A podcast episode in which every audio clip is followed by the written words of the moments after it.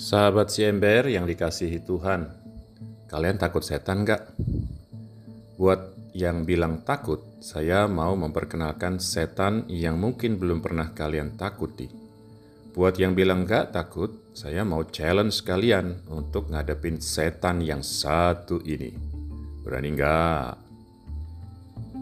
Teman sahabat Yesus yang terberkati, Rasul Yakobus ngingetin kita soal iri hati dan mementingkan diri sendiri sebagai pekerjaan setan. Di mana ada iri hati dan mementingkan diri sendiri, di situ ada kekacauan dan segala macam perbuatan jahat. Gitu kata Yakobus. Gimana? Berani nggak ngadepin iri hati dan kecenderungan mementingkan diri sendiri? Teman-teman yang disayang Tuhan, setan atau roh jahat dari luar bisa jadi susah dihadapin. Murid-murid Yesus dalam Injil hari ini nggak bisa ngusir roh jahat yang membisukan seorang anak. Yesus bilang untuk itu dibutuhkan iman dan orang harus berdoa. Tapi yang susah itu menurut saya bisa jadi lebih gampang dihadapin karena ketahuan atau dalam arti tertentu kelihatan keberadaannya. Yang susah kan ngadepin musuh yang nggak kelihatan, kayak virus corona yang sampai sekarang belum bisa kita kalahin sepenuhnya.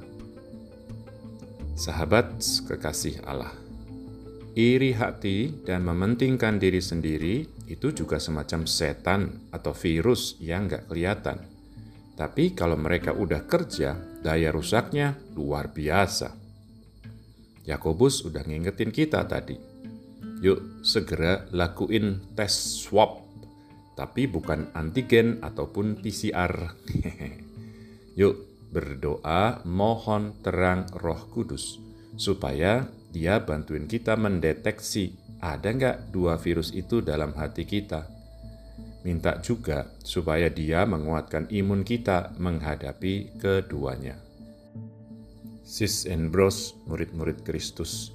Kita diciptain unik dan Tuhan sayang kita semua. Jadi nggak perlulah iri-iri segala. Tuhan aja merhatiin kepentingan dan keselamatan kita. Mosok kita mentingin diri sendiri. Kalian baru aja dengerin Renungan Si Ember bersama saya, Mo Nano. Tuhan memberkati.